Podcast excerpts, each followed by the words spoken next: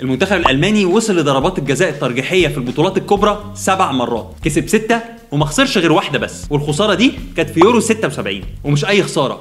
خسارة بضربة جزاء أسطورية وتخلد في التاريخ. خليكم معانا عشان نعرف قصة أشهر ضربة جزاء في التاريخ واللي كانت في يورو 76 بس قبل ما نروح لقصتنا ما تنسوش تعملوا لنا like و share واشتركوا في القناة. إحنا موجودين على يوتيوب وفيسبوك وتويتر وجميع قنوات البودكاست.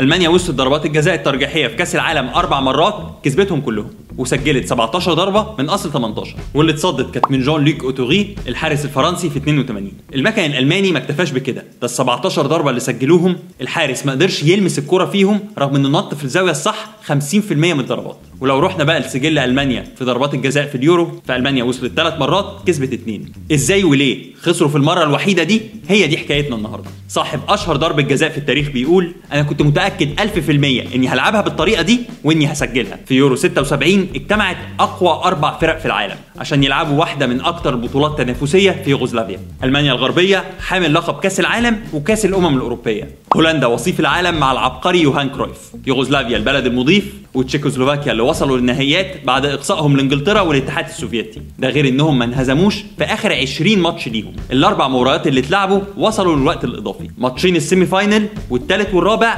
والنهائي. طرفا النهائي كانت ألمانيا بعد ما كسبت يوغوسلافيا وتشيكوسلوفاكيا بعد ما تفوقوا على الطواحين 3-1 وبعد انتهاء الوقت الأصلي والإضافي بالتعادل 2-2 لأول مرة في التاريخ هيتم اللجوء لضربات الجزاء الترجيحية لحسم بطولة كبرى وهنا يجي دور بطل قصتنا. اسمه الأول أنتونين اسمه الثاني أو المعروف بيه هنخليه لبعدين. صاحبنا ابتكر أسلوب فريد في تنفيذ ضربة الجزاء اتسمى على اسمه. يبان إنه في استهتار بالمنافس ورعونه شديده لكن ده مش حقيقي. فالراجل وصل لأسلوبه ده بعد تمرين كتير وراه منطق خاص بيه.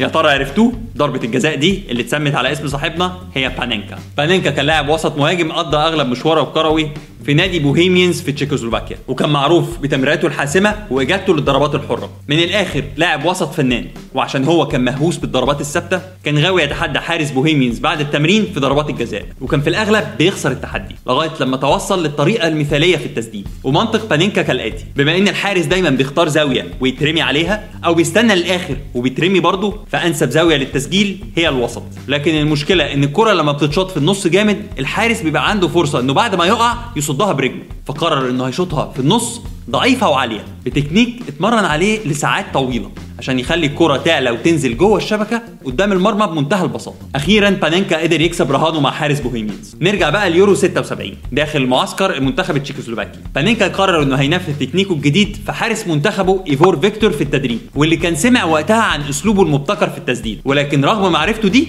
فشل إنه يتعامل مع الضربة. وبيقول عشان حارس مرمى يفضل واقف ما يتحركش وقت تسديد ضربة جزاء ده بيستلزم شجاعة كبيرة. بس فيكتور قال لبانينكا لو حاولت تنفذ الأسلوب ده في البطولة فدي فيها مخاطرة كبيرة جدا. ولو فشلت مش هدخلك الأوضة. نيجي بقى للحظة الحاسمة. تشيكوسلوفاكيا بتبتدي تسدد الأول. وبعد سبع ركلات ترجيحية النتيجة بتكون 4 3 لتشيكوسلوفاكيا. يخش رئيس بايرن الحالي أولي هونس ويضيع ضربته.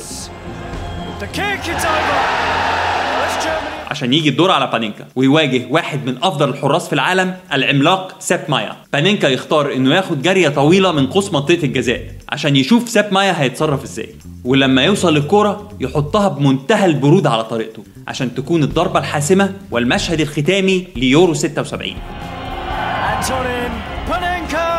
Oh, it's genius! Sepp Maier dives!